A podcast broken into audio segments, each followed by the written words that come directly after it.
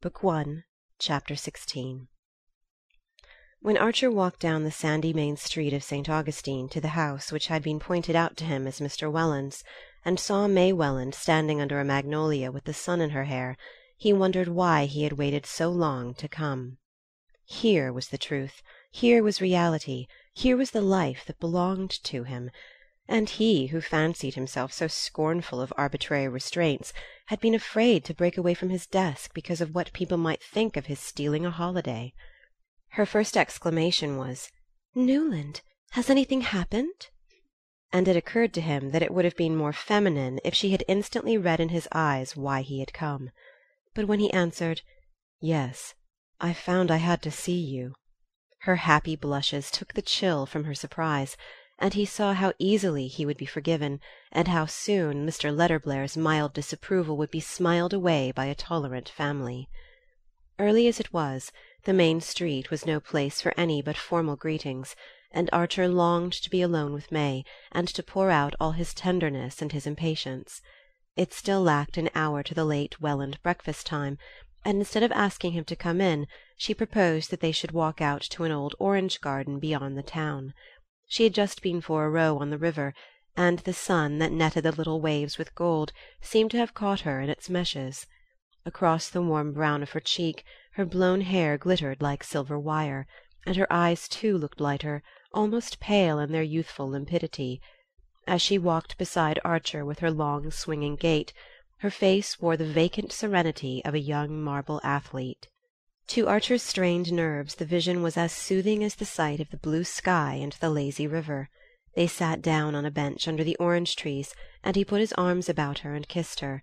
It was like drinking at a cold spring with the sun on it, but his pressure may have been more vehement than he had intended, for the blood rose to her face and she drew back as if he had startled her. "What is it?" he asked, smiling; and she looked at him with surprise, and answered: "Nothing." A slight embarrassment fell on them, and her hand slipped out of his. It was the only time that he had kissed her on the lips except for their fugitive embrace in the Beaufort conservatory, and he saw that she was disturbed and shaken out of her cool boyish composure. "Tell me what you do all day," he said crossing his arms under his tilted back head and pushing his hat forward to screen the sun dazzle. To let her talk about familiar and simple things was the easiest way of carrying on his own independent train of thought; and he sat listening to her simple chronicle of swimming, sailing and riding, varied by an occasional dance at the primitive inn when a man of war came in. A few pleasant people from Philadelphia and Baltimore were picnicking at the inn, and the Selfridge Merrys had come down for three weeks because Kate Merry had had bronchitis. They were planning to lay out a lawn tennis court on the sands, but no one but Kate and May had rackets, and most of the people had not even heard of the game. All this had kept her very busy, and she had not had time to do more than look at the little vellum book that Archer had sent her the week before, the sonnets from the Portuguese, but she was learning by heart how they brought the good news from Ghent to Aix, because it was one of the first things he had ever read to her, and it amused her to be able to tell him that Kate Merry had never even heard of a poet called Robert Browning.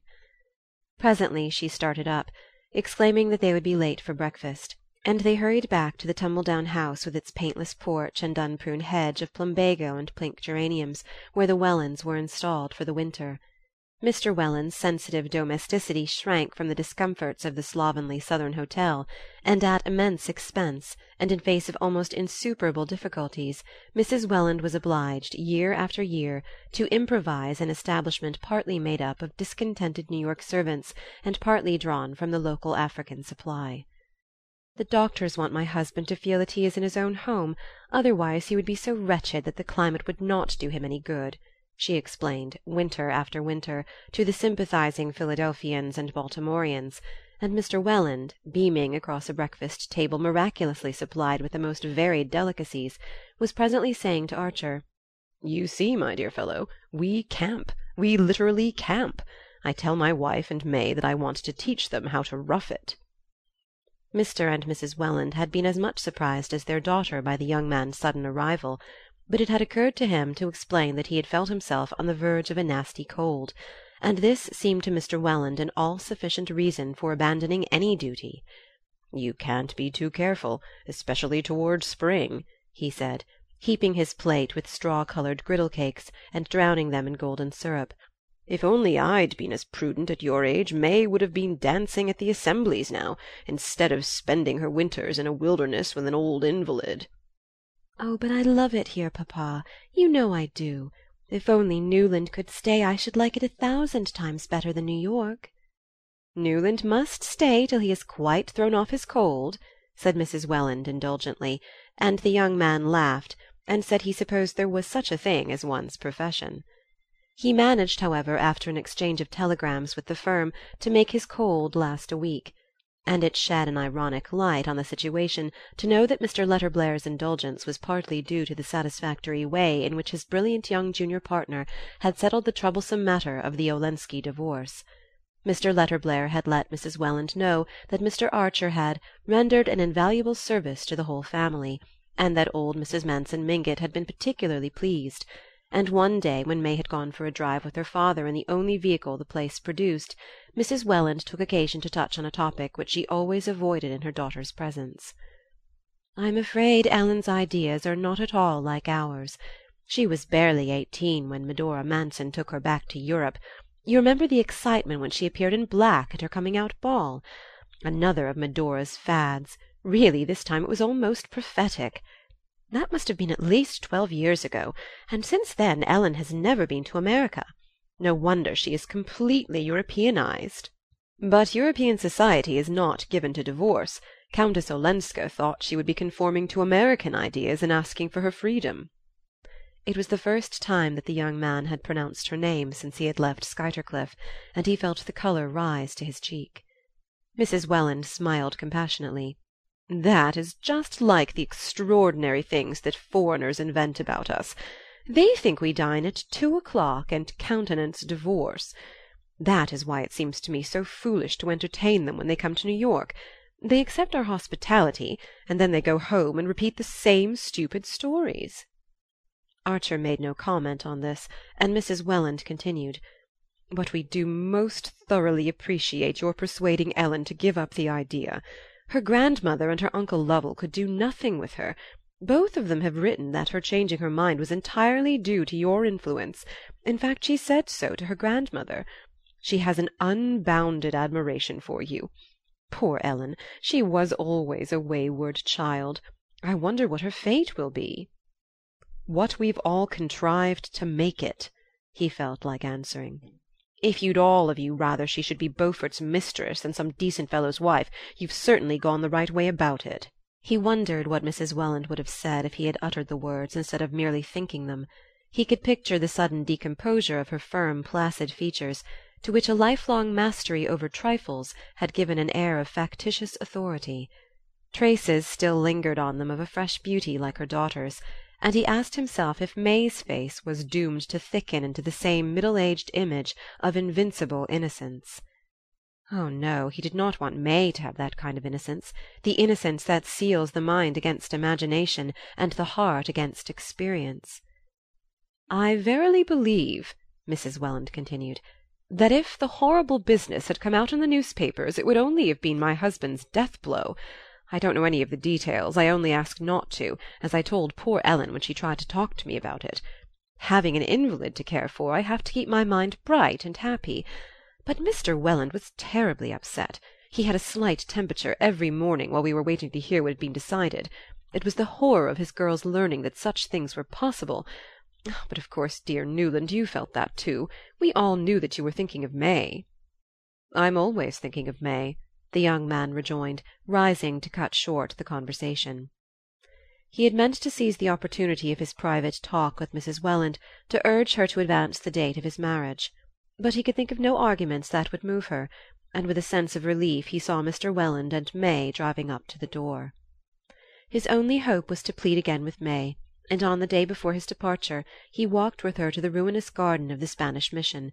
The background lent itself to allusions to European scenes and May, who was looking her loveliest under a wide brimmed hat that cast a shadow of mystery over her too clear eyes, kindled into eagerness as he spoke of Granada and the Alhambra. "We might be seeing it all this spring even the Easter ceremonies at Seville," he urged, exaggerating his demands in the hope of a larger concession. "Easter in Seville, and it will be Lent next week!" she laughed. "Why shouldn't we be married in Lent?" he rejoined; but she looked so shocked that he saw his mistake. "Of course I didn't mean that, dearest, but soon after Easter, so that we could sail at the end of April. I know I could arrange it at the office." She smiled dreamily upon the possibility, but he perceived that to dream of it sufficed her. It was like hearing him read aloud out of his poetry books the beautiful things that could not possibly happen in real life. "Oh, do go on, Newland. I do love your descriptions."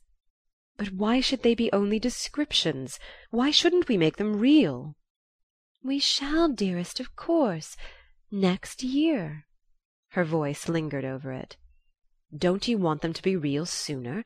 Can't I persuade you to break away now?" She bowed her head, vanishing from him under her conniving hat brim. "Why should we dream away another year? Look at me, dear. Don't you understand how I want you for my wife?" For a moment she remained motionless; then she raised on him eyes of such despairing clearness that he half released her waist from his hold but suddenly her look changed and deepened inscrutably. "I'm not sure if I do understand," she said. "Is it is it because you're not certain of continuing to care for me?" Archer sprang up from his seat. "My God! Perhaps I don't know!" he broke out angrily. May Welland rose also; as they faced each other she seemed to grow in womanly stature and dignity.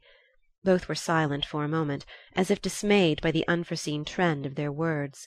Then she said in a low voice: "If that is it, is there some one else?" "Some one else? Between you and me?" He echoed her words slowly, as though they were only half intelligible, and he wanted time to repeat the question to himself. She seemed to catch the uncertainty of his voice, for she went on in a deepening tone: "Let us talk frankly, Newland. Sometimes I've felt a difference in you, especially since our engagement has been announced." "Dear, what madness!" he recovered himself to exclaim. She met his protest with a faint smile. "If it is, it won't hurt us to talk about it." She paused and added, lifting her head with one of her noble movements: "Or even if it's true, why shouldn't we speak of it? You might so easily have made a mistake." He lowered his head, staring at the black leaf pattern on the sunny path at their feet. "Mistakes are always easy to make; but if I had made one of the kind you suggest, is it likely that I should be imploring you to hasten our marriage?"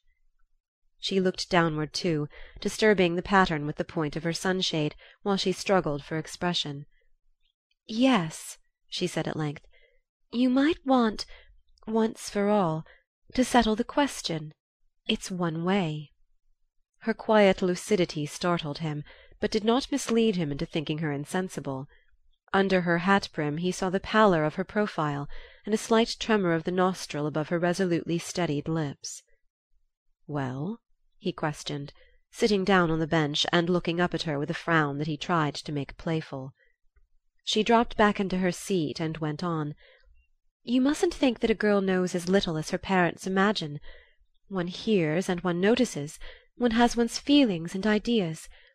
And of course, long before you told me that you cared for me, I'd known that there was some one else you were interested in. Everyone was talking about it two years ago at Newport. And once I saw you sitting together on the veranda at a dance, and when she came back into the house her face was sad, and I felt sorry for her. I remembered it afterward when we were engaged." Her voice had sunk almost to a whisper, and she sat clasping and unclasping her hands about the handle of her sunshade. The young man laid his upon them with a gentle pressure, his heart dilated with an inexpressible relief. "My dear child, was that it? If you only knew the truth!" She raised her head quickly. "Then there is a truth I don't know." He kept his hand over hers. "I mean the truth about the old story you speak of." But that's what I want to know, Newland what I ought to know. I couldn't have my happiness made out of a wrong, an unfairness to anybody else. And I want to believe that it would be the same with you. What sort of a life could we build on such foundations?" Her face had taken on a look of such tragic courage that he felt like bowing himself down at her feet. "I've wanted to say this for a long time," she went on. "I've wanted to tell you that, when two people really love each other, I understand that there may be situations which make it right that they should should go against public opinion; and if you feel yourself in any way pledged pledged to the person we've spoken of, and if there is any way any way in which you can fulfill your pledge, even by her getting a divorce Newland, don't give her up because of me." His surprise at discovering that her fears had fastened upon an episode so remote and so completely of the past as his love affair with Mrs. Thorley Rushworth gave way to wonder at the generosity of her view. There was something superhuman in an attitude so recklessly unorthodox and if other problems had not pressed on him he would have been lost in wonder at the prodigy of the Wellands' daughter urging him to marry his former mistress. But he was still dizzy with the glimpse of the precipice they had skirted, and full of a new awe at the mystery of young girlhood. For a moment he could not speak; then he said: "There is no pledge, no obligation whatever of the kind you think. Such cases don't always present themselves quite as simply as but that's no matter. I love your generosity because I feel as you do about those things. I feel that each case must be judged individually, on its own merits, irrespective of stupid conventionalities.